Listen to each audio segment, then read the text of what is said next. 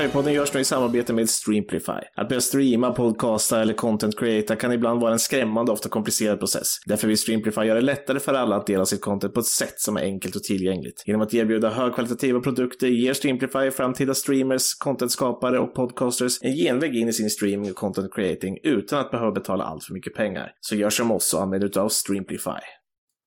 Och vi är tillbaka. Gud vad härligt. Vi fattades förra veckan med manfall och lite manfall hade vi den här veckan också. Men eh, det har ju du rört upp, eller räddat upp menar jag, Rasmus. Eller hur? Ja, jag är här för att Adam tydligen fortfarande är sjuk och ja, då får man ställa upp. Ja, det, är- det är så. Och vi trivs ju när du är här och lyssnarna känner igen din vackra stämma. Så att, eh, nu fick jag säga det igen också, eller hur Micke? Vackra Ja, stämma. exakt, men du bytte från ljuva stämma till vackra stämma. Så det Ja. är bra, du förnyar dig. jag blandar upp lite. Mm. Men eh, jag sa här inför att jag var lite besviken på Rasmus. Han brukar ju ha lite finurliga och roliga namn här i inspelningsprogrammet. Men idag heter han eh, kort och gott Rasmus. Ja. Vilket, Sen eh, hävdar han ju att det är efter Rasmus Höjlund. Mm, men det har vi inga bevis på. Eh, det har vi haft de andra gångerna. Du däremot har ju Mats Dählie då. Eh, Ja, jag såg att jag hade det nu. Jag orkar inte det. nej, det är rätt. Du Idag ju- får jag vara Mats Dählie. Jag kanske är finurligare till nästa vecka. Ja, vi får se. Vi får se. Eh, har ni haft en eh, bra helg? Ja, det tycker jag. Det har varit fullt, fullt ös hela helgen, precis som alla andra helger. Även fast det skulle vara en lugn helg, men jag var ute och plockade en del kantareller i lördags och det var inte så tråkigt. Fy fan. Oj, oj, oj. Det är ju inte jättekul att plocka svamp alltså. Jag är ingen svampmänniska. Nej, men det är värt det när du väl har fyllt frysen några timmar senare. Ja, jo, kanske. Det kan ju vara gott med svamp i alla fall. Det, det får vi ta det. Kan Eh, tolka det hur ni vill. nej, ja. Micke då, har du haft en bra helg? Uh, jo, men, jo, men det har jag haft. Lite lugnare eh, den här gången än när Rasmus var på besök här. Ja, det, är superpolarna. Det var inget, inget möte med, eh, vad fan heter han? Richard Arnold. Richard Nej. Arnold? Jag har Nej, inte sett till Richard Arnold sen jag och Rasmus såg honom. nej, nej. Jag har ju bild på honom. Eh, tyvärr vill jag inte lägga upp den, men det jag kände sånt sug att bara lägga upp bilden på honom, men ja, det kan jag inte göra. Nej, det, det blir svårt om du ska blurra nyllet på den också. Och Ja. det, det, ger inte så stor effekt då. Jag kan skicka till er sen så får ni se Ja, du kan, till mig i alla fall kan du skicka så att Ja. jag får se det. det. Det vore intressant. Och det var ju en, eh, en bättre United-helg i alla fall resultatmässigt eh, kan man väl säga. Även om vi kanske ska prata lite om hela veckan och där går det att ifrågasätta en del. Men eh, ja, jag vet inte, ska vi kasta oss in på United direkt? Och allt vad det berör. Och vi kan väl börja någonstans mitt i veckan då, där vi mötte Bayern München i första Champions League-matchen. En, en match som vi kanske en, från start inte hoppades så mycket på. Uh, I alla fall hoppades, såklart man hoppades, men vi, man kanske inte trodde så mycket om det. Det var väl inte den matchen vi skulle gå in och, och, och eh, dominera och vinna, men överlag så gör United en ganska bra insats, bara att vi som vanligt har typ ett läckande parasoll bakåt och ser för jävliga ut i eget försvar. Eh, eller vad, vad säger vi, Micke? Vad har du om den matchen? Ja, jo, men eh, stundtals såg det väl ganska bra ut, men överlag så kan man väl inte säga att det var eh, superbra, för det var så pass dåligt eh, defensivt. Så, så det är väl det, men mm, eh, jag känner ju mycket så här med Bayern-matchen och innan Bayern-matchen och efter den också att den är inte så jävla viktig egentligen. Eh, vi har råd att förlora den här matchen och ändå gå vidare från, från gruppen ganska komfortabelt. Alltså det, vi står inte och faller med den matchen. Så det var vad det var, vi visste att det skulle bli en tuff match, många skador och så möter vi Bayern borta. Eh, såklart jävligt tungt, men det blev ännu tyngre eftersom tyckte vi inledde den matchen så bra och sen åker vi på ett skitmål som vi allt som oftast åker på och sen blir det väldigt, väldigt tungt. Men ja, 4-3 på resultattavlan och när vi kollar tillbaka så är det väl lite smickrande att det står 4-3. Men Ja, och vi kan väl stanna där då, på där du säger ett skitmål. André Onana har väl fått utstå en hel del kritik sedan han kom till United och många de Gia-älskare är väl inte sena på bollen och, och eh, verkligen inga andra som håller på andra klubbar i Premier League är väl sena på bollen och håna honom och säga att det redan nu är den största floppen i Premier League. Eh, jag vet inte om jag håller med, Rasmus. Nej, men det är väl som man brukar säga, United är populära hos motståndarfansen eftersom vi är den största klubben. Då är det klart att går det dåligt för United så är alla där snabbt och hugger på våra spelare. Sen finns det väl kanske lite substans i att han inte haft den bästa inledningen i klubben.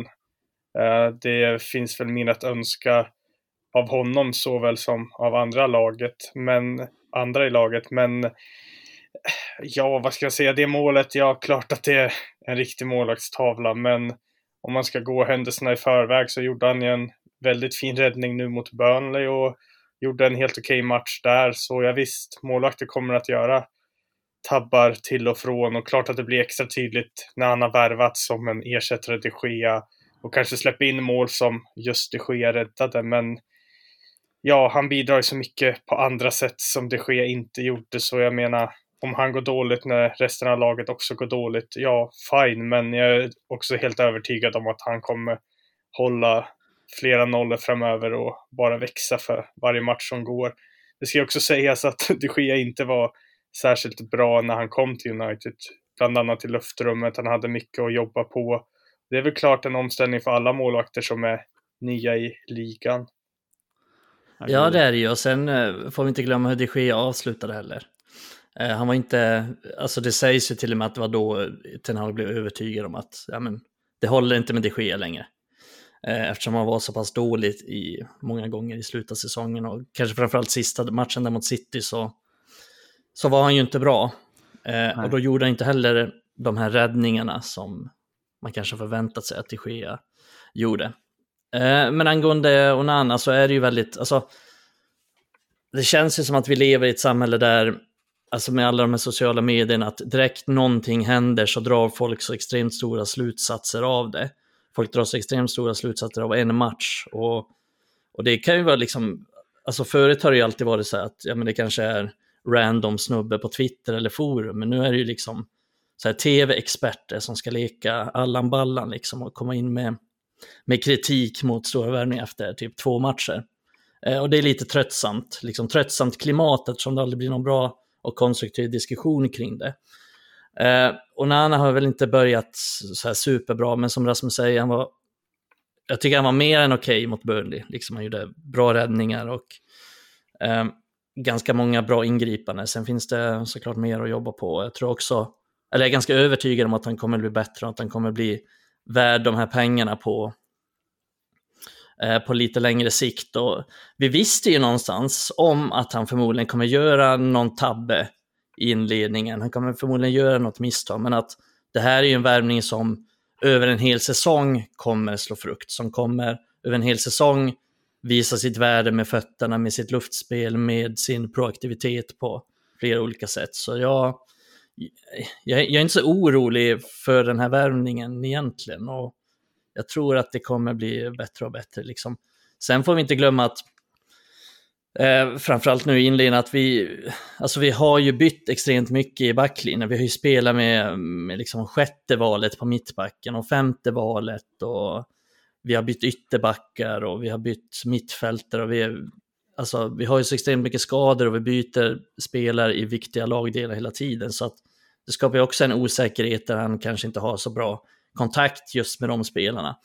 Eh, om vi tänker tillbaka på typ så här, jag tänker Uniteds glansdagar med van der Sar, alltså den enorma tryggheten och stabiliteten som fanns med Vidic, Ferdinand, van der Sar, alltså vi bytte aldrig i backlinjen i princip. Alltså Vidic spelade typ 35 matcher i rad. Eh, någon säsong där liksom. Så att då fanns det ju det också. Det har vi inte riktigt haft den här säsongen. Vi har inte kunnat ha det. Och det är väl någonting också som man, som man behöver ta när man bedömer allting här. Så ja, mm. jag är inte så orolig över det, men det är klart, han var dålig mot Bayern, men sen var han bra mot Burnley. Mm, eh, så, samtidigt så tycker jag att är liksom mot Bayern just är det hans spel med fötterna som övertygar mig om att det här kommer bli bra. För att utan honom i den matchen, då kan vi inte spela så här bra som vi gör i långa stunder. Det, då är det han som är ute och styr och ställer lite längre utanför straffområdet så som vi har velat se honom. Uh, som vi kanske inte har sett honom stora delar av inledningen. Eh, och som gör att vi gör en bra start på matchen. Ja, men kolla matchen mot Arsenal också till exempel, mm. att de pressar inte Onana överhuvudtaget, vilket gör att vi, vi kan rulla ganska mycket lättare i, i backlinjen och på mittfältet också, även om vi inte slår några konstruktiva passningar. Vi slår ganska mycket bakåt och hemåt och sådär, men vi, vi får mycket större utrymme att kunna slå de passningarna när vi har Onana som, eh, som eh, alltså han blir som en extra spelare eftersom han också driver upp bollen ganska högt och, och kan slå den bollen. Mm. Ja, nej, jag instämmer egentligen bara. Jag tycker att det är en jävla bullshit att börja klaga på honom just nu, även om vi vet att folk gör det. Eh, och de här andra fansen är ju bara slutat. Vi måste, det känns som att vi alltid måste hitta någonting. Du vet, så här, ja. när laget går dåligt, då måste vi börja kolla. Vems fel är det? Och då går vi hela tiden mot individuella spelare. Vi går, ja men nu är Onana dålig. Ja men fan var inte Dalot lite dålig i den här matchen? Alltså vi försöker ja. hitta saker hela tiden. Det kommer ja, vi jag vet att vi kommer prata... dålig i inläggningen, eller inledningen och sånt där. Liksom. Ja, precis. Vi vet att vi kommer prata Rashford lite längre fram och det är ja, lite samma sak där också. Men det kommer ja. ja, vi tar det sen. Men vi kan väl segwaya över då till, till, uh, till försvaret ändå, uh, som uppenbarligen är, har varit det största problemet för oss. Vi är absolut, vi har inte levererat framåt eh, vad gäller mål och sådär, men, men, eh, men framförallt så släpper vi in mål till i parti och minut och, och, och, det ser ju bedrövligt ut långa stunder. Alltså titta målen mot, eh, mot Bayern München om vi bara tar där då. Eh, alltså Gnabris mål. Han står ju själv i 30 sekunder ungefär på samma punkt och bara väntar på att Musiala någon gång kanske kan spela till honom. Och det är den mest farliga positionen i hela straffområdet. Mitt centralt i bara. Hur får det ens hur kan det ens gå till så i ett, liksom, ett lag som Manchester United just nu? Det är inte första gången det händer heller, ska jag säga. Det har hänt flera gånger bara den här upptakten. Ja, men jag tänkte lite på det. Det är väl lite som Micke var inne på alldeles precis när han förklarade kanske en liten del av Onan också. Ja, men vi har ju haft så många olika konstellationer av backlinje och mittfält under alla matcher den här säsongen och då blir det ja, det blir ingen riktig kontinuitet någonstans. Spelarna är inte vana att spela med varandra. Ja, men till exempel nu har vi haft Dalot, Evans, Lindelöf, Region. Det, är liksom, det var ju en högst osannolik start fyra där bak för bara en månad sedan. Men nu har vi blivit tvungna att testa olika konstellationer varje match och jag tycker att man har sett på spelarna att det inte funkar lika bra. Jag tycker Martinez har sett blekare ut än vanligt. Lindelöf har till och från också sett lite blek ut. Dalot nu har också sett blek ut och det är inte för att det är dåliga spelare utan det är för att de har fått spela tillsammans med kanske en annan backlinje som inte är optimal och ett mittfält som inte är optimal och då är det väldigt svårt att få ut någonting av det hela när man hela tiden får testa nya saker. Mm. Alltså ett fel som jag tycker att eh, Ten Hag gör om vi fokuserar på den här bayern matchen det är att visst, han är i, i mångt och mycket tvungen till att spela spelare som kanske inte passar, passar in i den matchbilden, men han spelar ju Casemiro, Casemiro och Eriksen eh, centralt och de två har ju extremt jobbigt mot Bayerns eh, rörliga liksom, offensiva mittfält och mittfält överlag. De är ganska dynamiska, Bayern. Eh, och de hinner inte med överhuvudtaget. Och det är ju ett av målen till exempel där de är dåliga i hemjobbet. Och vi släppte in extremt många snitt inåt bakåt situationer den här säsongen. Vi höll på att göra det även mot Burnley. Eh, och det är för att mittfältet är ganska dåliga på att, på att liksom hålla sin gubbe och ta jobbet hem och hinna med att ta det jobbet hem överhuvudtaget. För att Casemiro och Eriksen tillsammans är väldigt odynamiska just nu. Eh, Casemiro känns verkligen äldre än någonsin och Eriksen hade stora problem med det här redan förra säsongen och han, han hinner inte med i den här typen av matcher och det, det blir extremt kostsamt eftersom, eh, som, jag, som jag sagt många gånger innan också, alltså kolla på de offensiva spelarna. Vi har Rashford som är extremt dålig utan boll. Han jobbar ju nästan inte hem någonting och mot Bayern tycker jag han var katastrof i det spelet. Eh, och det sätter ju extra, extra krav på att mittfältet måste ta ett större jobb och det funkade ju. Alltså, om vi går tillbaka till Ole-tiden så ju, han jobbade ju han mycket med det, att kanske McTominay och Fred får springa väldigt mycket för att de andra inte tar jobbet och det funkade väl helt okej okay bitvis för att de kunde göra det. Men nu har vi ett mittfält som inte orkar göra det jobbet, som inte klarar av det. Både över 30 och counting liksom. Eh, och klarar inte av att spela det spelet längre. Ehm, så att vi tappar ju väldigt mycket i, i just de situationerna och då blir ju backlinjen väldigt utlämnad. Och, eh, det är svårt för en backlinje när spelare kommer mot dem. Liksom, om, vi, om ni tänker på det så kan ni säkert känna igen det för att vår backlinje har den, den här säsongen hamnat i extremt många en mot en situationer. Och det är extremt riskfyllt. Alltså kolla, det är lätt att säga, ja men Martinez fick en sopa. För att han blir bortgjord av, vem var det, Pascal Gross liksom mot Brighton. Men när man hamnar i den situationen, det är så jävla svårt att göra någonting. För att han låter ju bara den bollen gå. Och Martinez behöver ta liksom ett millisekunds beslut. Och står han lite fel eller tar lite fel beslut så blir han totalt bortgjord. Och det är det som har hänt så många gånger den här säsongen och på ett av målen så ser det ju ut som att Dalot gör ett skitdåligt jobb för att han blir lite bortgjord. Men alltså, du möter världens bästa spelare, alltså bland världens bästa spelare liksom i Bayern, bland de här yttrarna, bland de här offensiva spelarna som de har. Det är, det är så jävla svårt att göra någonting mm. för att hamnar du lite, lite fel i backlinjen så, så blir du totalt bortgjord. Och det är det vi har blivit i de här situationerna. De har blivit extremt utelämnade. Och ser vi på förra säsongen så var det mycket tajtare eh, i lagdelarna och även nu mot Burnley. Varför gick inte Evans och Lindelöf bort sig lika mycket mot Burnley? Jo, för att vi spelade med ett tajtare försvarsspel, vi var mycket närmare i lagdelen, vi spelade mycket mer defensivt. Och det gjorde vi många gånger förra säsongen också, därför släppte vi in färre mål. Eh, men mot Bayern så hade vi någon slags ambition om att ja, men nu ska vi spela lite offensivt, nu ska vi försöka matcha dem och det är ju ädelt på något sätt, men vi hade ju inte riktigt spelarna för att kunna göra det. Nej, alltså jag tänker den situationen just med Musiala när han bryter runt det. Det är ju Casemiro som han gör bort. Eh, Dalot får ju ta ett jobb för att Casemiro gör bort sig. Sen gör ju Dalot det hyfsat bra. Det är ju lite turstuds att Musiala ens... Ja men exakt, men han blir... Bollen. Men sen är det han som får skit för för att sen Casemiro joggar hem på fel sida och tar inte det jobbet som han ska göra där. Han måste ju hem och bara ta upp Gnabry, det blir hans gubbe för att Dalot tvingas ta Musiala. Ja, och Eriksen och McTominay här, båda dem, alltså bara den här säsongen så har Casemiro, Eriksen, McTominay, alltså båda, alla de tre har säkert två mål på sitt samvete där de inte tar jobbet mm. hem, där de inte markerar sin gubbe, där de bara släpper. Eh, och det är det jag menar med att backlinjen blir utsatt, att eh, de hela tiden, alltså det, ah, blir så trött bara jag tänker på Uniteds försvarsspel, de här de här senaste matcherna, alltså typ Brighton mot, eh, mm. mot Bayern för att ja, det är så jävla slappt och det är så taktiskt naivt av Ten Hag i de här två matcherna tycker jag. Ja, eh, och tar man bara Brighton då, som vi får be om ursäkt för, för att vi inte pratade efter, kanske behövdes ett terapisamtal som också några av våra lyssnare önskade. Eh, där Dalot till exempel stänger ner Mittoma under hela matchen. Alltså tittar man på, nu är det ju Stats Merchant kanske på, tittar på betyg från olika sidor och så här, men Mittoma hade knappt boll under en match. Och Dalot var ganska bra just defensivt, en mot en mot honom. Men vi tappar ju överallt annars. Och, och det är ju just, de gör väl typ tre mål på snett inåt bakåtpassningar. Uh, de har gjort sin läxa.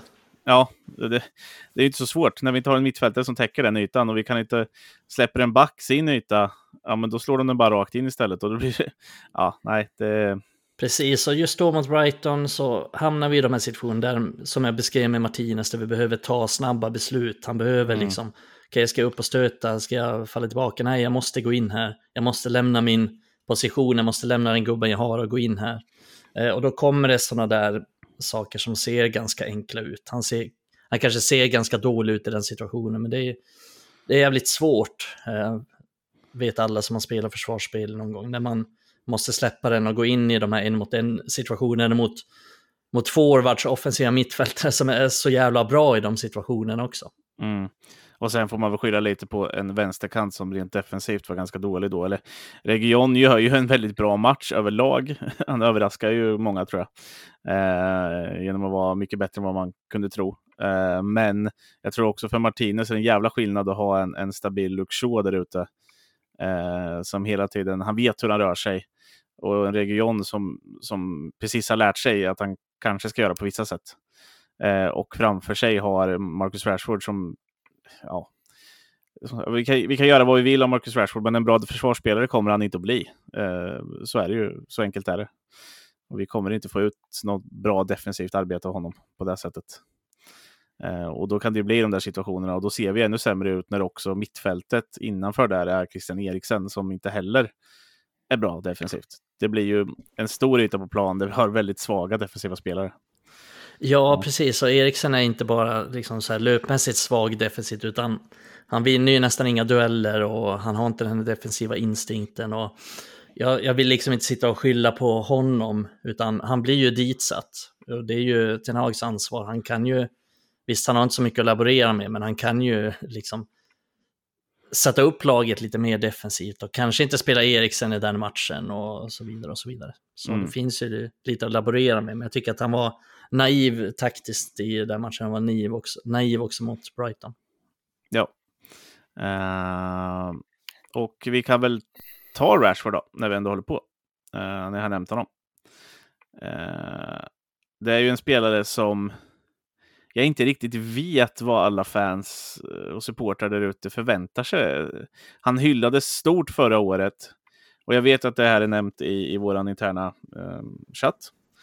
Eh, men, men han gör ju ingenting annorlunda mer än att han kanske inte har gjort mål på alla mm. lägen. Eh, så det, resten gör han ju som han gjorde förra året. Eh, mm. Visst, man kanske önskar att han hade spelat bollen till Höjlund någon gång. Vilket han kanske borde ha gjort. Men samtidigt, han är inte van att ha någon spelare där inne som tar den löpningen. han är van att vara den spelaren som ska avgöra själv. En sån spelare kommer fortsätta avsluta. Uh, och det är där vi har hyllat honom för innan. Um, sen så det, det är en omställningsperiod för honom med att lära känna Höjlund och se vart han tar vägen hela tiden. Uh, är mitt tyckande och tänkande. Rasmus, du har fått vara lite för tyst ett tag nu. Vad har du att säga om Rashford?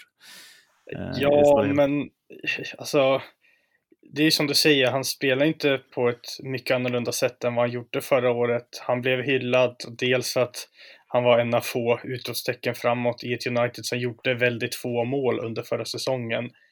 Rashford gjorde ju trots allt 17 mål. Det är ju ingen jättebra siffra, ingen jättedålig siffra, men ungefär vad man skulle I kunna förvänta sig. Ja, ja, precis, i ligaspelet. Kanske en siffra där man förväntar sig att han ska ligga kring. Men det känns eh, också så här, ja men lite som han har fått mycket kritik för att han kanske är lite, lite osmart på planen. Och det har jag sett lite olika analyser på Twitter. Ja, men det kanske finns lägen där han skulle kunna spela. Förra matchen var det både Höjlund och Bruno och det har det varit under fler matcher den här säsongen där han kanske skulle kunna släppt den. Men just att han kanske går på avslut snarare än att hitta den där passningen. Och riktigt vad det beror på är ju svårt att säga. Liksom, är han van att ta de lägena? Vill han göra det? Eller ser han helt enkelt inte att det finns passningsytor? För jag tycker att han skapar väldigt många chanser, men skulle han bara vara lite mer smart på planen så tror jag att han skulle kunna lösa i alla fall ett eller två farliga målchanser ytterligare per match. För det är så bra är han på att skapa lägen. Det är bara det att ändprodukten inte har varit så som man kan önska. Nej, och sen, alltså, hans problem är ju att han, han tar ju fel beslut. Han är inte så bra i sitt beslutsfattande och det har inte varit de senaste säsongerna heller, utan han, när han ska skjuta så passar han och när han, när han ska passa så skjuter han. Och det tycker jag blir, blir ganska tydligt hela tiden, för att det var en situation i matchen här mot Burnley tror jag, när han har jättebra läge, jättebra skottläge och så försöker han passa till Höjlund som inte alls har ett bra läge här. Höjlund är liksom markerad i, det är ett litet instick i djupled. Eh, så jag tycker inte att det är att han är nödvändigtvis egoistisk för att han försöker slå de här bollarna. Det är bara att han inte är så bra på att värdera när han ska göra vad. Eh, och det har inte varit som sagt de senaste säsongerna heller. Eh, nej, alltså Rashford blir, jag tycker han verkar ganska opopulär bland United-support. Eller så är det bara mm. för att det går, går dåligt nu. Men, men överlag så verkar han inte vara jätteuppskattad av United-supportrar. Han verkar vara mycket mer uppskattad av andra lagsupportrar och det är lite intressant faktiskt. Eh, för jag kan ju förstå kritiken mot honom, för att han dels är han ganska dålig med boll, liksom han är lat, han tar inte mycket hemjobb, han, är, han kan vara jättedålig i pressspelet, sådana saker. Eh, däremot så är han ju, han är så viktig för det här laget för att han är en av få som producerar framåt regelbundet och det är egentligen bara han och kanske Bruno Fernandes som gör det och har gjort det de senaste säsongerna. Så att han måste ju ändå vara i laget. Vi behöver honom för annars kommer vi inte göra särskilt många mål som det är just nu med de spelarna vi har just nu. Eh, om vi alltså kollar matchen mot Forest till exempel, han ligger ju bakom alla mål där och kollar mot Bayern då gör han eh, assist och det bortdömda målet mot Brighton så gör han assist och han gör målen mot Arsenal och han är ofta den som gör avgörande skillnad även om han tar fel beslut. Eh, så ja, det är väl för att vi får ta honom för den han är helt enkelt. Och ser vi bara till förra säsongen så, ja, 17 ligamål var ju han sammanlagt 30 mål tror jag, eller något sånt. Och det är mm. ju det är jävligt bra siffror för en som spelar, för en som spelar ytter. Och det är inte jättemånga fler i världsfotbollen som, som eh, spelar på den positionen och gjorde lika mål som honom utan att riktigt vara helt säker på vad jag snackar om nu. Så Eh, I sina bästa stunder så, så är han ju ändå alltså en spelare av hög, hög klass där det finns få bättre på, på den positionen han spelar på egentligen. Så att om vi kollar på så här, ja men eh, jag vet inte riktigt vad diskussionen är, ska vi uppgradera på honom? Men ska han bänka så är inte tillräckligt bra. Om folk ja, säger finns... att han borde bänka så att... Ja, men finns, det de, finns det de som är bättre än honom på att göra de sakerna? Garnacho är en liknande spelare som Rashford. Fast just nu mycket, mycket, mycket, mycket sämre på att göra det. Och väldigt oprövad också. Han liksom så här, Rashford gjorde 30 mål förra säsongen. Garnacho har inte ens gjort 30 mål, liksom inräknat alla ungdomslag. Någonsin, typ. Eh, så att, mm, beror lite på vad man vill ha ut. Och jag kan ju förstå så här i, i framtiden om vi kan ta den diskussionen, liksom, går han in i city till exempel? Ja, kanske inte. Det beror lite på vad vi vill vara för lag, vad vi vill, hur vi vill spela och vad vi vill, vad vi vill ha för spelartyper i laget. Så det, mm, men det, är en, det är en komplex fråga, men jag tycker att som det är just nu och det lag vi har just nu så, så måste vi ha honom för att han är den som producerar helt enkelt. Ja, det är också lite, ja men som du säger, diskussionen har ju mycket varit att folk har så mycket högre förväntningar på honom än man kanske borde ha just för att han är ytter och han är ingen anfallare. Han är inte Håland som kan hitta mål i boxen från ingenstans utan Rashford ska ju skapa sina chanser själv. Och det är det han är bra på, men han är ju fortfarande ingen som kommer att komma upp i de här hutlösa siffrorna i mål och assist som folk verkar förvänta sig av honom. Så jag tror väl mycket det att mycket kritik är att folk har orimligt höga förväntningar på hans poängproduktion vil, vilket man förstås ska ha förväntningar, men kanske inte att han ska vara överlägsen. Alltså visst, han ska bidra i United, men han ska liksom inte vara den spelaren i Europa som gör flest mål assist. Han kommer ju aldrig göra lika många som Haaland och Kane. Och jag har svårt att se, förstå logiken bakom folk som tycker att han ska eh, göra fler mål och assist. Och därav blir väl kritiken, ja men som du var inne på innan, sociala medier blir väl onödigt hög nu för att han inte har gjort tillräckligt många mål i början. Men ser vi över en hel säsong så tror jag att han kommer att bidra både till mål och assist i en högre utsträckning än vad han gjorde förra säsongen just för att vi har eh, ett bättre fungerande lag nu med Höjlund eh, som anfallare. Men också om vi, om vi kollar så här, jag är ganska säker på att när vi summerar den här säsongen så kommer Rashford vara, om inte etta så åtminstone tvåa, som sämst trea, liksom flest poäng i United den här säsongen. Mm. Eh, så att han är, han är vår bästa poängplockare de senaste säsongerna, så att vi är inte ett läge där han är det stora problemet, om man säger så. Sen Nej, kanske han är ett större problem om tre år om vi har extremt jävla bra lag över hela, över hela planen. Ja, då kanske han är ett problem. Men just nu så, så är han absolut inget problem om vi ser till vad vi har för svagheter, vad vi, vad vi har för saker att jobba med i laget. Liksom att få till ett mittfält som kan slå en passning överhuvudtaget och som kan ta ett hemjobb. Alltså, ni ser, det är de basic grejerna vi behöver få till. Eh, Sen behöver vi såklart också, vi är ganska dåliga offensivt och det är därför Rashford blir så viktig för att han är en av de som producerar. Ja, men sen är det väl så här också att han, han har väl aldrig varit en framspelare. Alltså han är ju inte en spelare som vi tänker, han ska göra 13 assist den här säsongen.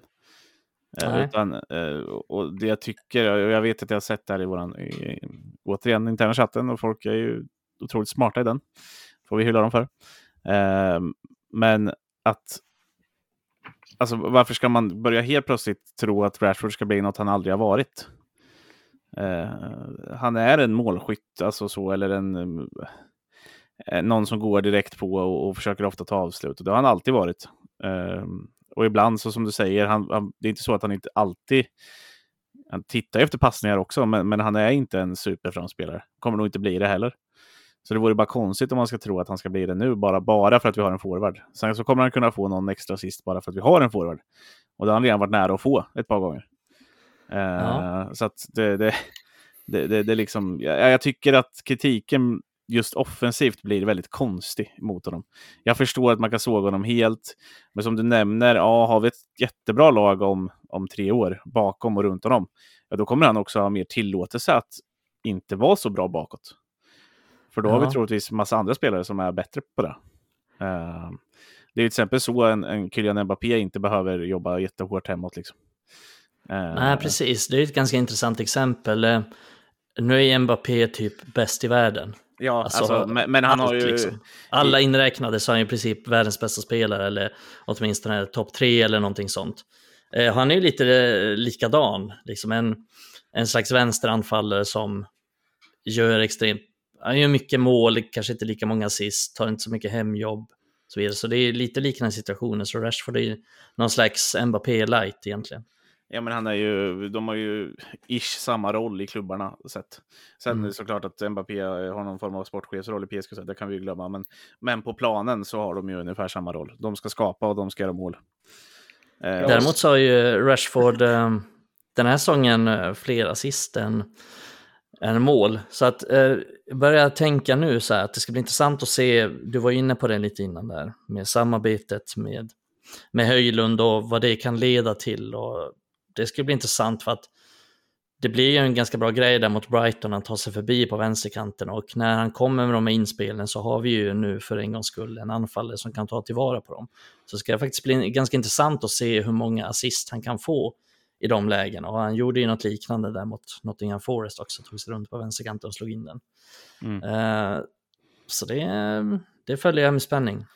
Ja, men sen lite, ja, men som vi har varit inne på flera gånger, att vi har så många skador. Men vi ska också lägga till där att det som återstår av september, hela oktober och november, bortsett från matchen mot City, så är det ett väldigt behagligt spelschema.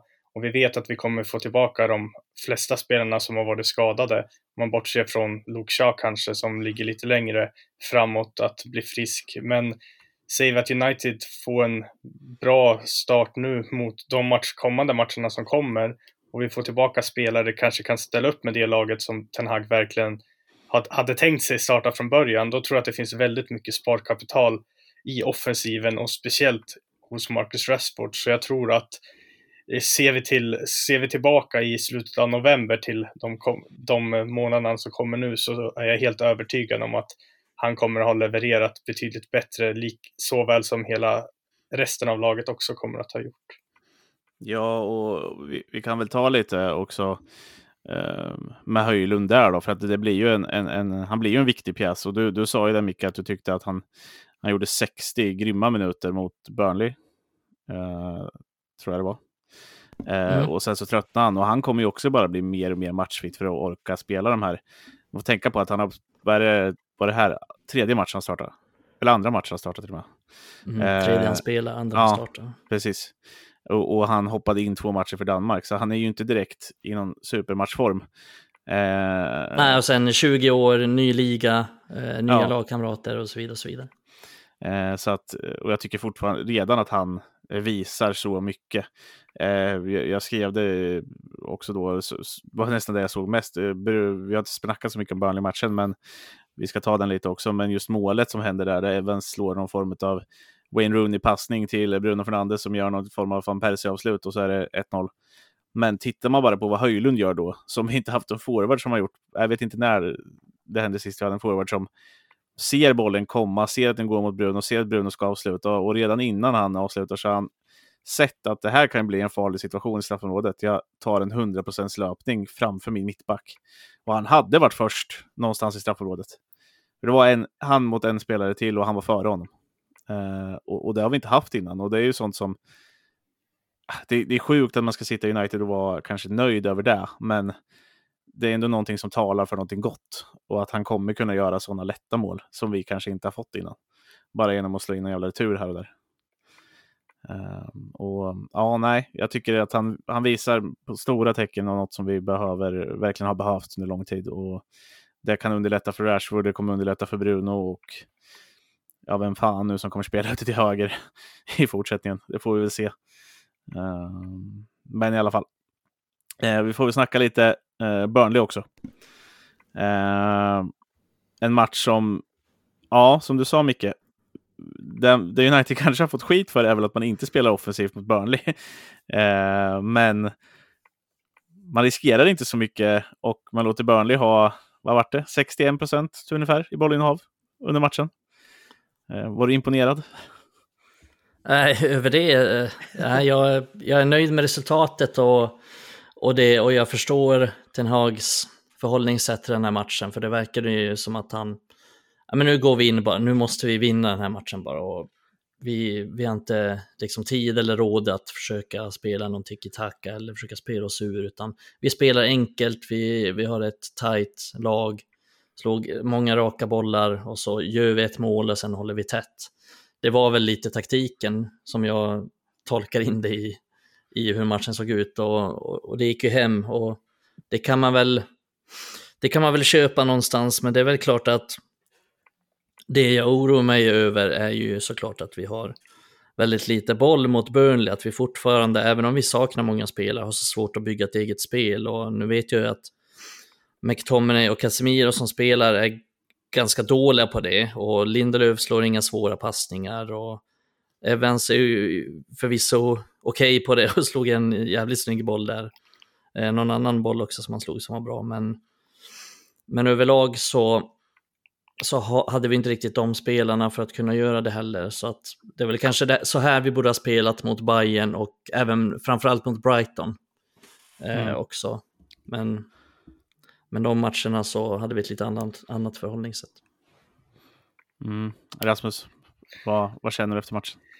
Ja, alltså, det är också så en oerhört viktig match att få tre poäng ifrån. För just som vi sa, spelet var kanske inte det bästa och det visste vi väl nästan på förhand att kanske skulle bli någon, kanske inte optimal lösning eller vad man ska säga, utan precis som ni var inne på, målet kanske var att hitta 1-0, sen försöka stänga ytor, hoppas att man inte släpper in en kvittering, ett kvitteringsmål sent som man har gjort flera gånger. Så jag vet inte, jag la inte särskilt mycket vikt vid att bry, bry mig särskilt mycket om hur spelet, kom, hur spelet var i den matchen, för jag vet att det är nog en av få matcher som det kommer se så dåligt ut.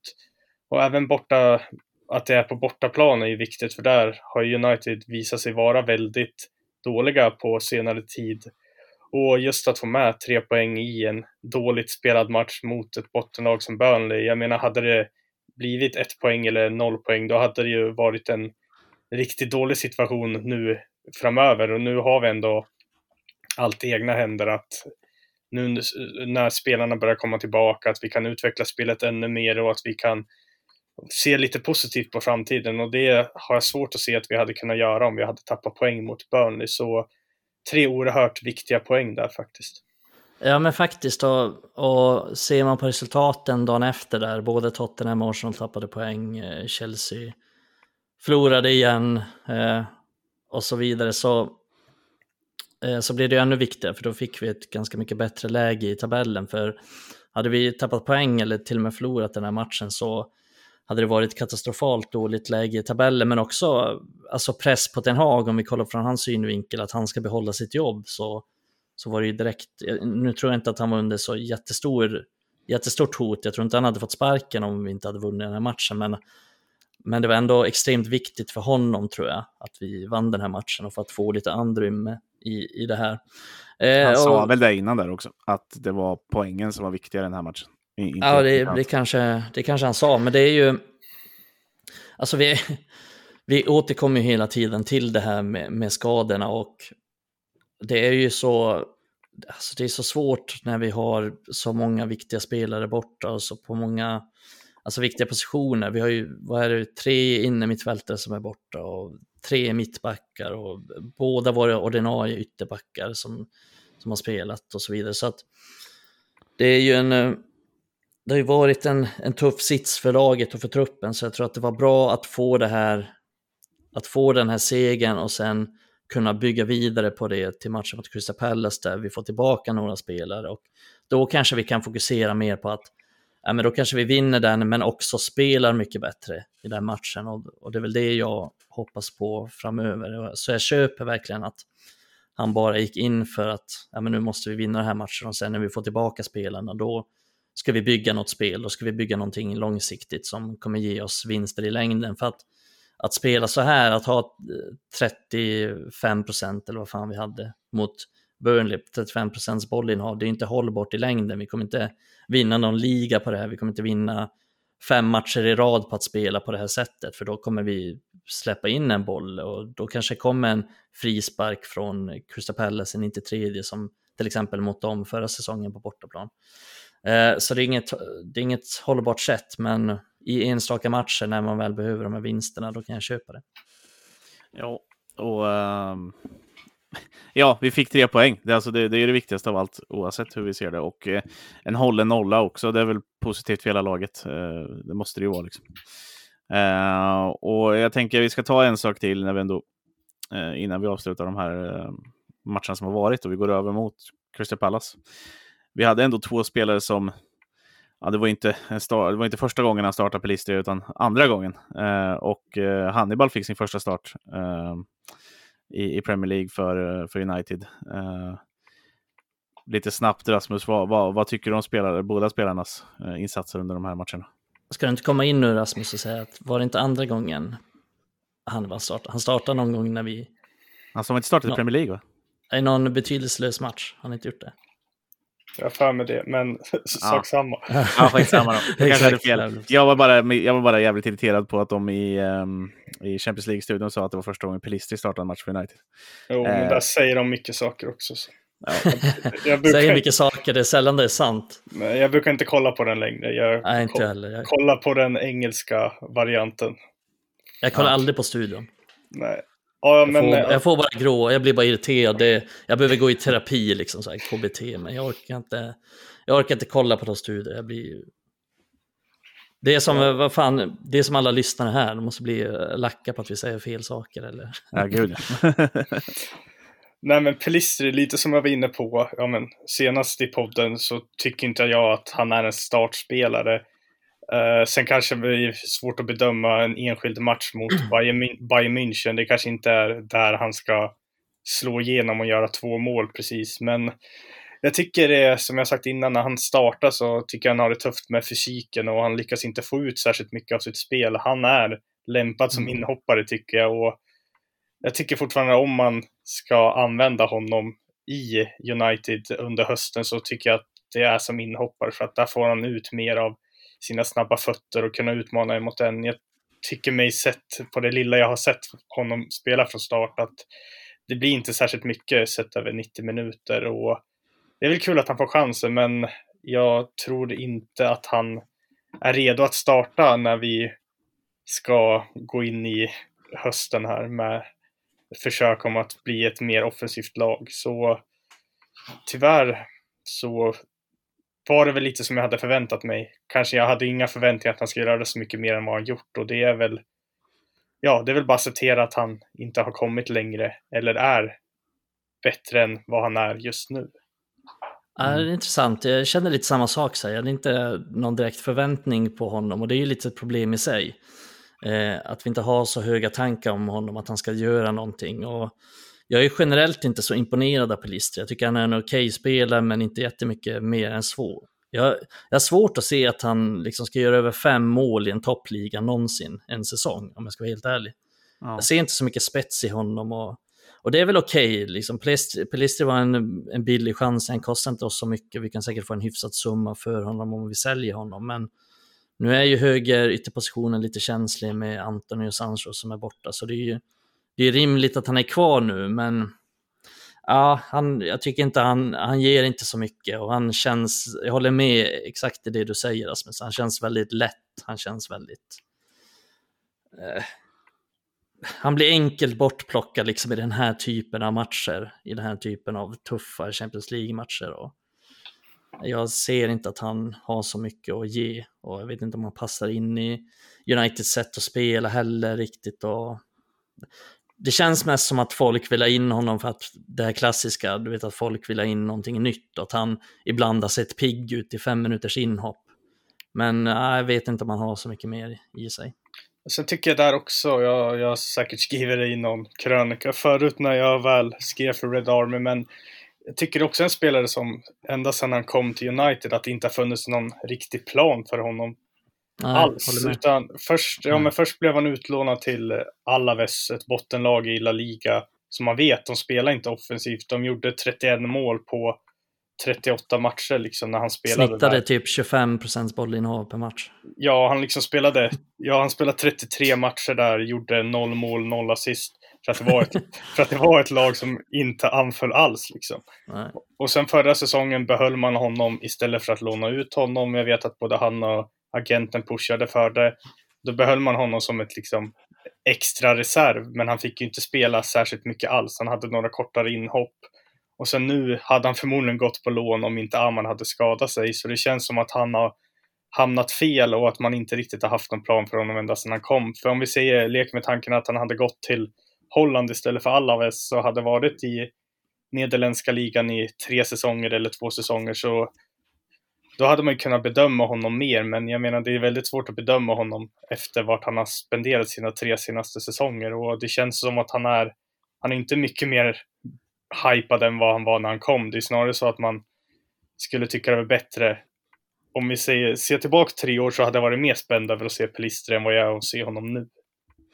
Den enda hypen kommer väl från att han har spelat i landslaget. Liksom. Alltså i så fall. Uh, att han ändå får start i, i ett Uruguayans landslag, vilket känns märkligt. Men, ja, men det alltså det är väl, hur, hur jävla bra är de då? Jag vet inte. Nej, men... Alltså men eh, det är väl bra gjort av honom, men, men han startar ju mot Bayern nu, men han startar inte mot Burnley. Så det säger ju ändå någonting också om hur Ten Hag ja. rankar honom. Han verkar inte hålla honom jättehögt och jag tror inte att han kommer få spela särskilt mycket framöver och då, är, då, ändå, då får vi ändå räkna med att Anthony och Sancho är borta.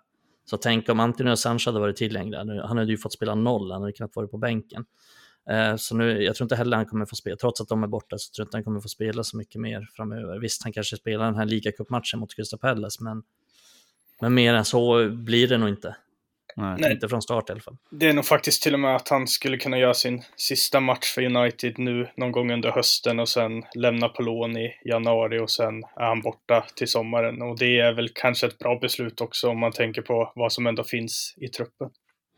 Ja, mm. och förhoppningsvis kan han göra ett bra lån så, så kan man ju få en hyfsad summa för honom. Just nu är han nog inte värd spottstyvern ute på transfermarknaden, uh, skulle jag gissa på.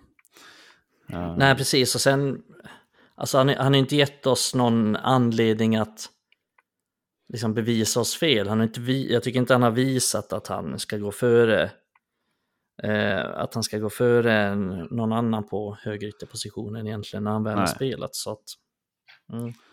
Nej, så är det. Eh, Hannibal då? Micke, du gillar Hannibal? Ja, jo, jo, alltså, jo, det gör jag väl. Han har ju lite mer i sig. Dels har han ju den här arbetskapaciteten att kunna spela en roll på mittfältet, men han har också tekniken och passningsspel för att kunna, för att kunna bidra på olika sätt. Nu har han ju spelat som alltså någon slags hårt arbetande tia mot mm. Burnley till exempel, där han tog eh, mycket defensivt ansvar och alltså det, det lades inte så stor vikt på att han skulle producera poäng eller sådär. Uh, och det vet jag väl inte. Jag, jag, tycker att han är mer av en åtta och att han ska spela lite längre ner i planen. Eh, men där kan man väl ändå säga att när han väl hoppar in mot Brighton och när han gör den här starten mot Burnley, då har han ändå tagit sin chans till skillnad från Pelistri. Och jag tycker att, att han har visat att han ska gå före till exempel McTominay eh, mm. ganska ofta och kanske till och med Eriksen i, i många lägen.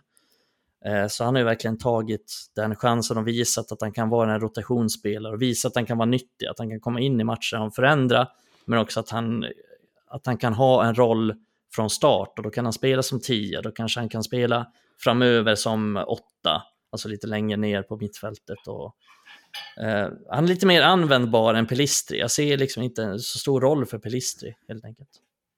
Nej, Nej, och så är det ju. Alltså jag gillar, alltså han är ju lätt att tycka om Hannibal. Bara hans inställning är ju lätt att tycka om. Och jag tror det är många där ute som gör det också. Uh, och det, det, är ju någonting som vi har saknat. Och det var väl också det, det sa den här innan matchen, att um, vi behöver få in mer eller mindre sa att vi behöver få in folk som kan springa. Och uh, det var mm. därför både McTominay och Hannibal spelade. Nu tycker jag inte McTominay har jag tycker han är skitdålig mot Burnley. Eh, ja. Eh, överlag. Och han, eh, det finns ju en situation där när han kommer in i slutet mot Bayern München. Va? Eh, mm. Och han tappar boll utanför straffområdet, eh, offensivt straffområde, och så börjar han jogga hem. Mm. Fast han bara varit inne i tio minuter. En, ja, precis, en McTominay för typ fem år sedan hade ju inte gjort det. Han hade ju sprungit som en tok. Jag förstår inte riktigt vad problemet är nu. Det är någon jävla smitta eller något virus. Ja, nej, ingen aning. Det är alltså... nej, jag skojar. Det är ju ja, det är ju oroväckande med McTominay, men om vi återgår till Hannibal så en sak, han var inte, alltså han var liksom inte, det är inte så att han gjorde en 10 av 10 insats. Jag tycker att nej, nej, nej. Han, var, eh, han var helt okej, okay. han var väl 6,5 av 10 eller någonting sånt där, men det han gjorde bra tycker jag var på slutet när han, han dödade mycket tid genom, och det är det jag menar med att han visade den här tekniken och den här spelförståelsen och passningsspelet, att han eh, han kan döda tid genom att göra bra tekniska saker på slutet genom att hålla i bollen. Och sen, han hade någon snygg teknisk aktion där ute på vänsterkanten, men sen också kan han ta sig förbi sin motståndare genom att dribbla förbi honom eller springa förbi honom. Och, det kan ganska få av våra andra mittfältare göra. Och han kan hålla, hålla i bollen på det sättet och död, han dödar ganska mycket tid, bara han, på slutet, vilket gjorde att det blev ganska lugnt mot Burnley. Det blev aldrig farligt. Mm. Eh, ta skillnaden till exempel mot Nottingham Forest när vi hade en man mer på hemmaplan. På slutet så kunde de ändå lyfta in extremt många bollar och det blev lite kalabalik i Uniteds straffområde. Det blev aldrig riktigt så mot Burnley och det var mycket tack vare Hannibal att han kunde hålla i eh, i två, tre minuter. Där. Han har ju en annan fart än vad många av våra andra mittfält, mittfältare har i benen också. Eh, ja, ett par gånger när han kör några väggpassningar med Bruno under matchen eh, och, och, när han får tillbaka den så, så springer han ju ifrån sina motståndare. Det, det gör ju inte Bruno, det gör inte McTominay, det gör inte Casemiro. Eh, så. Och, och inte Eriksen. Nej, och det, det, det, ger ganska mycket bara det. Eh, framförallt i ett kontringsspel. Precis, och det är det jag snackar om så mycket, att det är så viktigt att vi får in det på mittfältet, för vi är så jävla statiska där. Vi har ingen spelare som kan göra de här sakerna, för att man får mycket utrymme när man, när man har spelare som kan göra de här sakerna. Till exempel Tottenham, jag kollade Tottenham mot Arsenal igår. Eh, och Bissoma har ju fått någon slags revolution här under, under nya tränaren och han är en sån spelare som dels kan spela sig ur pressade situationer men också ta sig ur på egen hand och skapa utrymme till laget. Och det är så viktigt att ha mittfältare som kan göra de sakerna och alla topplag har ju den typen av mittfältare som kan göra de sakerna. City har flera av dem. Eh, Barcelona har Frenkie de Jong som vi vill ha till exempel och, och så vidare. så vidare. Real har haft Modric i alla år som är extremt bra på att göra de sakerna. Vi har inte riktigt den spelaren och inte riktigt haft den spelaren. Nu tror inte jag att Hannibal är hela svaret på, på den. Det är inte så att han är nya Frenkie de Jong, men han kan göra de sakerna. Det blir så viktigt i just sådana här situationer när man behöver ta sig ur pressade lägen eller när man behöver lite andrum. För det har ju vi eh, United haft svårt med. Dels att spela oss ur situation, situationer när vi har egen boll, när vi ska bygga upp ett anfallsspel. Det är jättesvårt att slå de bollarna, men också kanske på slutet där vi behöver att en mittfältare tar sig ur en situation och skapar utrymme och håller i bollen lite. Mm. Ja, som supporter är det kul att se ja, men, att det kommer en ung mittfältare som har väldigt mycket energi och verkligen visar att han vill spela. Och det är väl det som kanske gör mig mest glad, för som, precis som Micke var inne på, han gör ingen supermatch, han gör en okej okay match, fullt godkänt, men just att han visar upp den här energin och löpviljan och att han blir lite, ja men precis som han, när han gjorde målet mot Brighton, även om det kanske inte spelade så stor roll, men att man i alla fall ser passionen från honom. Det är ju många spelare som jag inte har sett visa passion på flera månader, och när man väl får se en gnutta passion så blir man ju helt glad hemma i soffan. Och det är roligt och sen speciellt att vi får en, en ny, ja, bara för att fylla i det ni sa, men en ny spelartyp in i truppen. Så om man vill förändra eller spela annorlunda på mittfältet så har man nu en möjlighet som man inte hade förut och det tror jag är rätt underskattat att ha en spelare som man kan, ja men som exempelvis Burner, slänga in mot slutet, hålla i boll och bara passa runt den. Och, så jag tror att han kommer bli nyttig framöver som rotationsspelare när det väl behövs eller när det finns en matchbild som kanske passar en spelartyp som honom. Ja, och sen är han ju ung och fortfarande utvecklingsbar så att det är ju kan han få sina minuter i United så är det perfekt egentligen för honom också. Nu när han inte verkar bli utlånad heller. Så att, um, nej, det, det, ser ljust ut uh, för hans sida i alla fall. Eller ljusare än vad det gjorde för en stund sedan. Uh, vi ska prata lite Crystal Palace också. för att nu händer det igen. Jag vet inte hur sjukt det är, men det var väl inte jättemånga år sedan vi mötte typ Wolves inom loppet av två på en vecka. Eh, det händer för fan varje år med något lag. Det är ja, helt galet.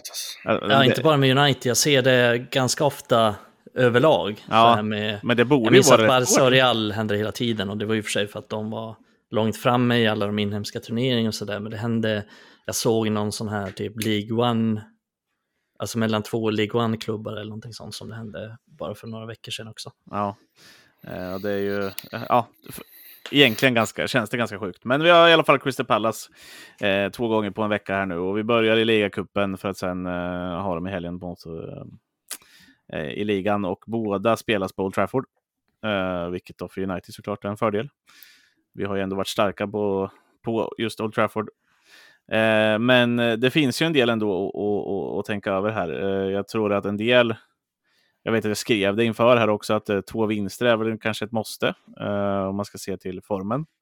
Men är det viktigare att vi, vi behåller eh, spelartruppens hälsa eh, och kanske vila lite i ligacupen? Eller hur, hur hade du ställt upp Micke i, liksom, i matcherna? Hur hade du valt? Nej, eh, alltså som det är just nu så känner jag att vi, vi måste verkligen rotera och absolut inte riskera de spelarna som har varit skadade eller precis har kommit tillbaka från skada. Så att nu var ju Varann tillbaka till exempel och jag tycker absolut inte att han ska spela i den här matchen. Och Martinez är förmodligen tillbaka, men han ska absolut inte heller spela tycker jag. Och Casemiro ska vilas och eh, Rashford ska vilas och Höjlund ska vilas och Bruno Fernandes ska vilas. Så jag tycker att... Vi Tror du ska... verkligen att han kommer vilas då? Det är ju killen som spelar i varenda match bara han kan. Ja, nej, kanske inte Bruno, men jag tror nästan att de andra vilas. Ja, det tror jag också. Eh, så jag väl, jag tror, vi kan ändå ställa upp ett ganska bra lag, även om vi vilar alla dem och även om vi har många skador. Alltså, spela Hiton eller turken i målet. Jag, jag, vet faktiskt inte vad han heter. Bayern. Jag vet inte om jag kommer orka lära mig det heller. Bayern. Alltså om jag, om jag ska vara helt ärlig.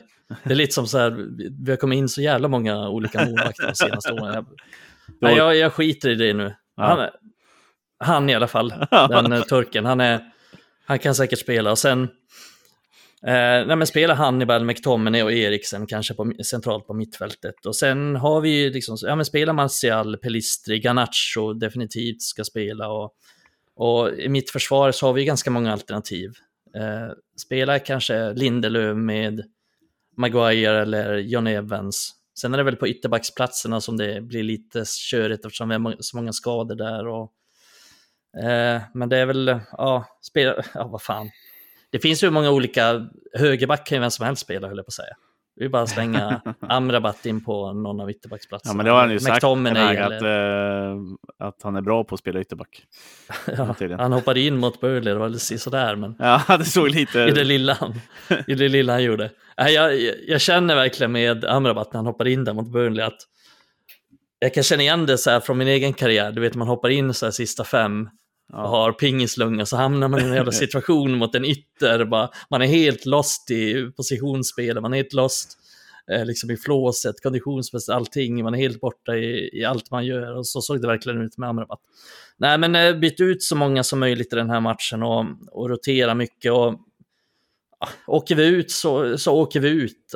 Det, är inte, det vore trist såklart, men det är, det är inte hela världen. Jag känner att just nu är det faktiskt jävligt mycket viktigare att vi tar att vi tar den här segern i, i ligan mot dem.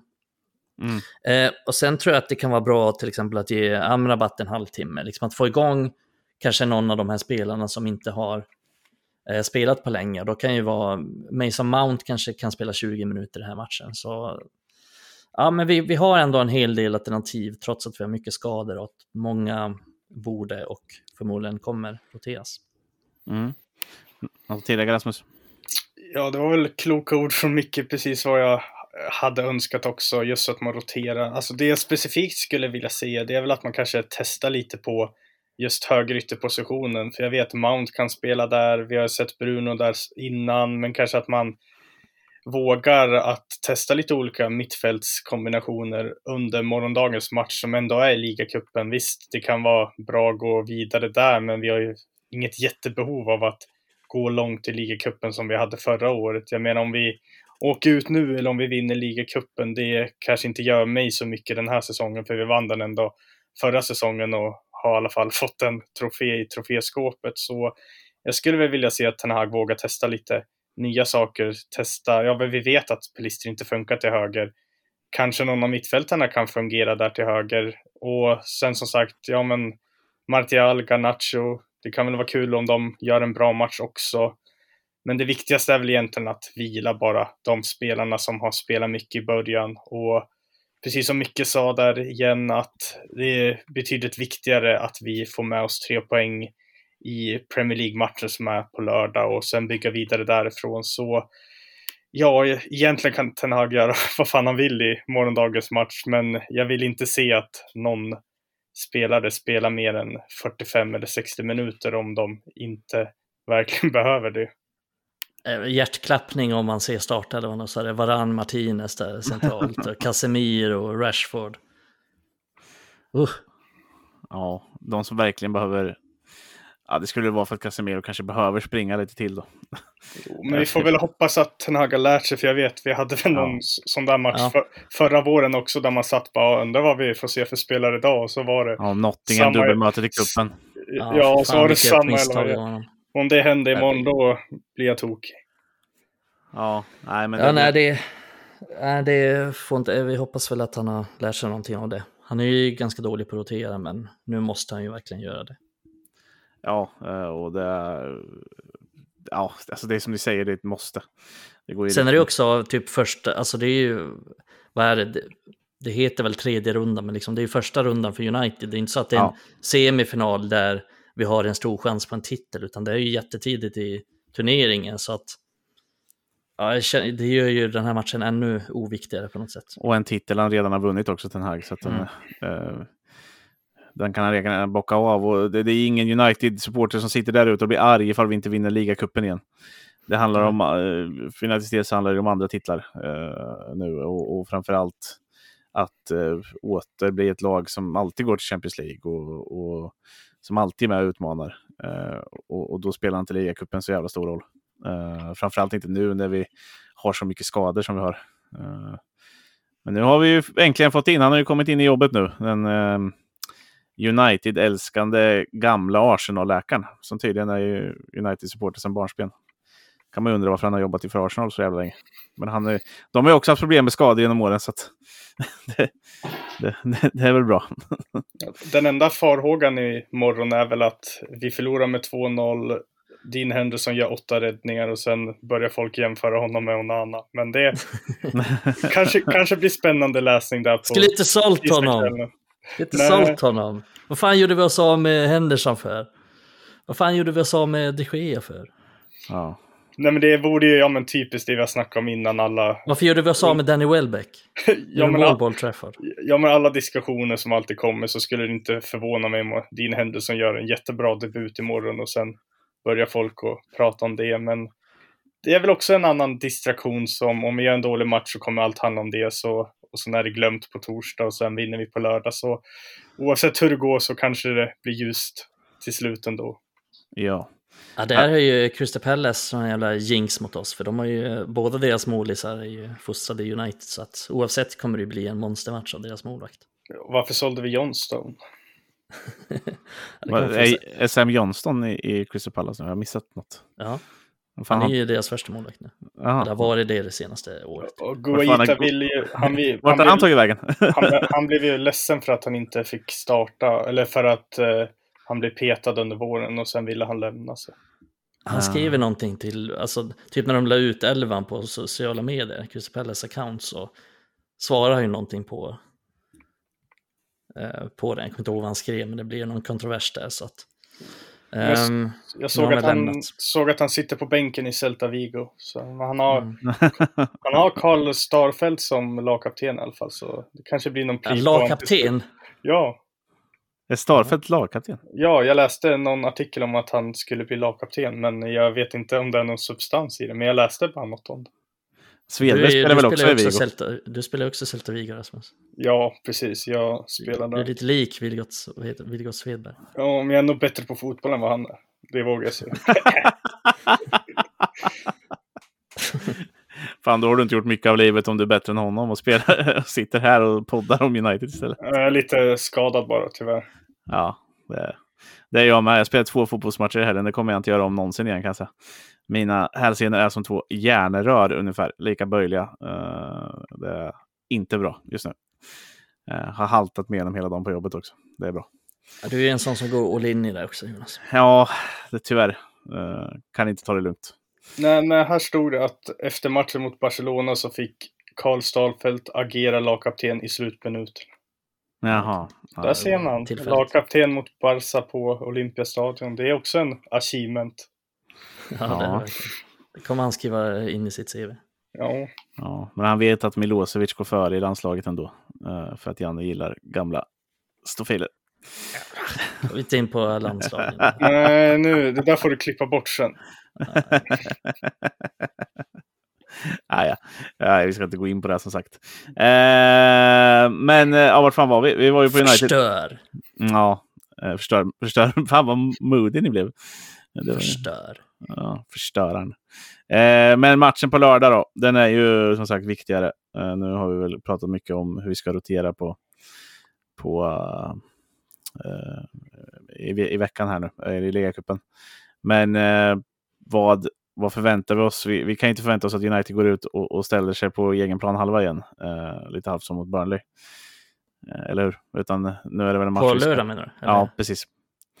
Nej, då förväntar jag mig att ganska många av de här skadespelarna är tillbaka. Liksom att, eh, Amrabat är tillbaka, Mount är tillbaka, eh, Varan, Martinez förmodligen eh, och så vidare och så vidare.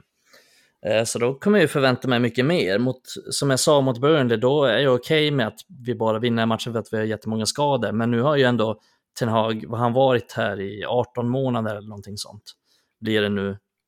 Eh, och då måste ju han börja leverera. Och nu mot Crystal Palace så kommer man inte kunna skylla på att vi har supermånga skador ifall inte någonting händer nu. För då kommer vi förmodligen bara ha kanske eh, Luke Shaw och Van Bissaka borta eller något sånt. Eh, och de flesta andra är tillbaka som, som har någon slags viktig roll i det här laget. Och då kommer jag i alla fall börja förvänta mig att vi ska spela en bra fotboll men också vinna matcher. Och Crystal Palace hemma är ju en, är ju en ganska bra, bra start för att, för att börja göra det. För att jag tycker de är ganska bleka den här säsongen. Eh, de är inte, alltså de, de är ganska försvagade offensivt, de har inte så mycket offensiva hot längre. Eh, deras bästa, spe, bästa spelare är skadad. Eh, de är väl hyfsat gedigna under Roy Hodgson så här, men vi ska ju verkligen dominera den matchen och jag hoppas och förväntar mig och jag tror att United kommer vinna den matchen ganska, ganska komfortabelt ändå. Och det är det jag förväntar mig från eh, United nu när vi börjar få tillbaka spelare. Och det har jag sagt hela tiden. så att Visst, vi kan förlora den här matchen mot Bayern, vi kan förlora den mot Brighton och, och så vidare. Vi har extremt många skador. Det är, det är svårt för Ten Hag att, att lösa den problematiken när vi har så många skador på viktiga spelare. Men men han kommer inte kunna skylla på det i all evighet. Och, och nu när de kommer tillbaka så, så är det vad som förväntas, att vi, kommer, att vi ska spela bra fotboll och även producera resultat. För att nu är smekmånaderna över, det är dags att leverera. Mm. Ja, det är Ja. faktiskt en match som man ja, men verkligen ser fram emot för att det kanske är ja, men, spelar United bra mot Palace på lördag så kan det ju också vara någonting man kan bygga vidare på och bara fortsätta köra på under hela hösten när man har ett behagligt spelschema. Så jag menar om man får det att funka till början och bara kunna justera små taktiska saker på mittfältet eller offensivt så tror jag att det kan bli riktigt bra. Och gärna också att vi får hålla en till nolla på Old Trafford, för det gjorde vi ju väldigt mycket förra säsongen. Kanske inte har gjort det i år precis, men det är också viktigt att ja, men vi ser att vi skulle vinna med 2-3-0. Det är ju verkligen vad United skulle behöva så att alla kan få självförtroende och vi ser att ja, men både mittfältet funkar, vi gör mål och vi släpper inte till flera chanser som vi har gjort i de inledande matcherna. Så det är en match jag ser fram emot, men också en väldigt viktig match. För det är också där, skulle vi få ett dåligt resultat på lördag så, ja, då är det ju nästan lite krisvarning. Men jag har fullt, vad heter det, vad heter förtroende för att United ska kunna göra en riktigt bra match på lördag och sen fortsätta bygga på det framöver. Ja, precis. Om vi ändå är inne på det här med, med försvarsspel så har ju alltså United släppt in väldigt många mål den här matchen, men jag är ju också helt övertygad om att när vi väl får tillbaka alla spelare här, att det kommer se mycket bättre ut defensivt. Eh, sen är ju, alltså min fråga är ju snarare, alltså folk, jag tycker folk har varit överdrivet negativa. Liksom så här, ja, men kommer United ens komma topp 10? Jag är helt övertygad om att United kommer komma Alltså United blir väl inte ett eller två, liksom, men att vi blir mellan plats tre till sex kanske, eftersom det är många bra lag den här säsongen också. Men jag tror att det kommer se ut ungefär som förra säsongen och mm. vi kommer ha ungefär samma problem som förra säsongen, det vill säga att vi kanske inte gör så många mål som vi vill, men jag tror att försvarsspelet överlag kommer bli bättre och bättre. Och det tror jag vi kommer se, det tyckte jag ändå vi såg lite nu mot Burnley, men det tror jag vi kommer se framöver också när vi väl får tillbaka de här. Varann till exempel har varit väldigt saknad rent defensivt eftersom han är så extremt bra. Känns dumt att säga om, om det är defensivt, liksom. men, men tar vi Martinez så är han en extremt bra bollspelare. När han är borta så saknar vi hans uppspelsfot och eh, kanske hans brytsäkerhet. Sådär. Men när Varann är borta så saknar vi ju ett huvudspel i boxen. Vi saknar den här snabbheten i backlinjen. Vi saknar Eh, att få bort bollar in i straffområdet och sådana saker som han är extremt bra på. Och det tror jag kommer göra mycket för försvarsspelet, men också att vi får in mittfältare som orkar och har fysiken att kunna ta det hemjobbet. Och det har Amrabat och det har Mount och det har Kobe Main om han spelar och spelar till exempel Casemiro med Amrabat och Mount så kommer han gynnas mycket av det, att han inte behöver täcka lika stora ytor och så vidare och så vidare. Så att det kommer bli en kedjeeffekt där allting kommer se mycket bättre ut, det är jag ganska övertygad om. Sen är ju den stora frågan, hur mycket bättre kommer det bli? Kommer det bli tillräckligt bra för att jag inte ska nå dit eller dit? Ja, det återstår att se, men jag är hyfsat säker på att vi kommer göra en, en ganska bra match mot Palle, så att vi kommer vinna den matchen. Mm. Vad, eh, vad säger ni? 2-0. Och nu pratar vi lördag då. Vi, vi skiter i ligacupen. Ja, skit. Ingen aning vad det blir. Nej, den, den skiter vi Vi, tar, vi vinner med 2-0 på lördag. Okej. Okay. Ja. Rasmus? Uh, önsketänkandet är vinst med 3-0, men jag nöjer mig med 2-0 faktiskt. United har ju ändå haft problem att göra mål. Så. Tänkte att du var på väg att säga önsketänkandet är 2-2. Nej, jag vill bara vinna, vinna nu. Börja vinna mot Palace på lördag och sen bara fortsätta vinna under hela hösten. Så att alla verkligen kan nöja sig någon gång. För det är också så här, ja, men som Micke var inne lite på, ja, men jag kan inte bedöma United, det här årets upplaga av United redan nu när de knappt har spelat någonting. Men ser det inte bättre ut i slutet av oktober, mitten av november, då kan man börja bli orolig. Men jag är helt övertygad om att United kommer inleda en succéartad höst på lördag mot Crystal Palace. Alltså, jag är också du... lite inne på det. Jag tror nästan att alltså, vi har ganska bra spelschema här, att vi kan ta en hel del segrar i följd faktiskt. Eh, så det är bra läge att de flesta kommer tillbaka nu och vi har ett ganska gynnsamt spelschema. Det får man ju också tänka på så här när United har haft alla de här skadorna. Vi har ett ganska svårt spelschema.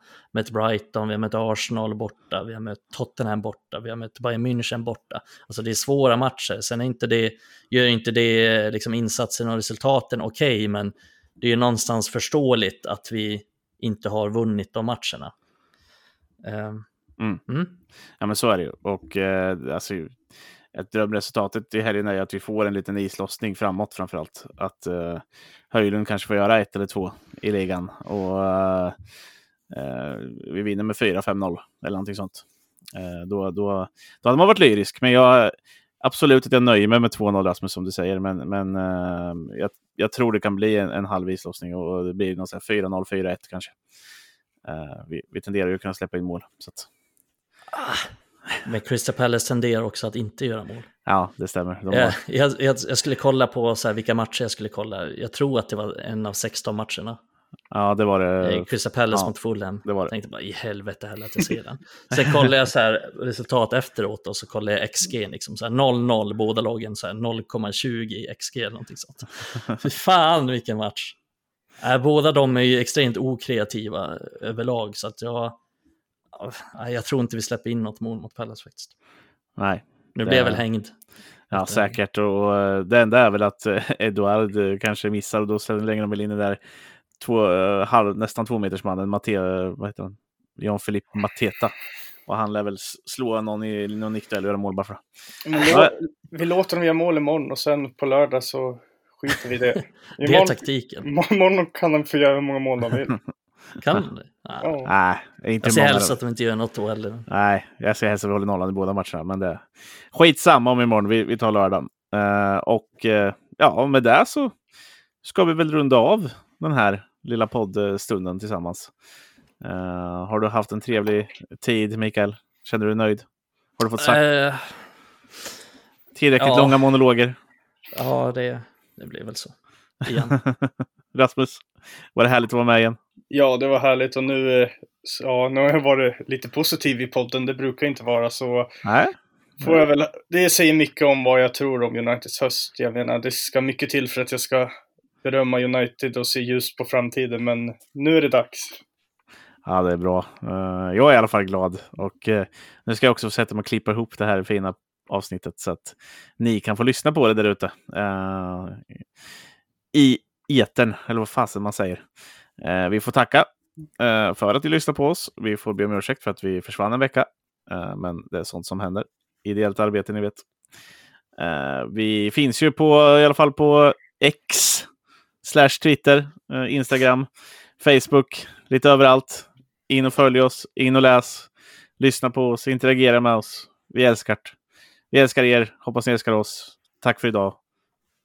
Och så säger vi bye bye.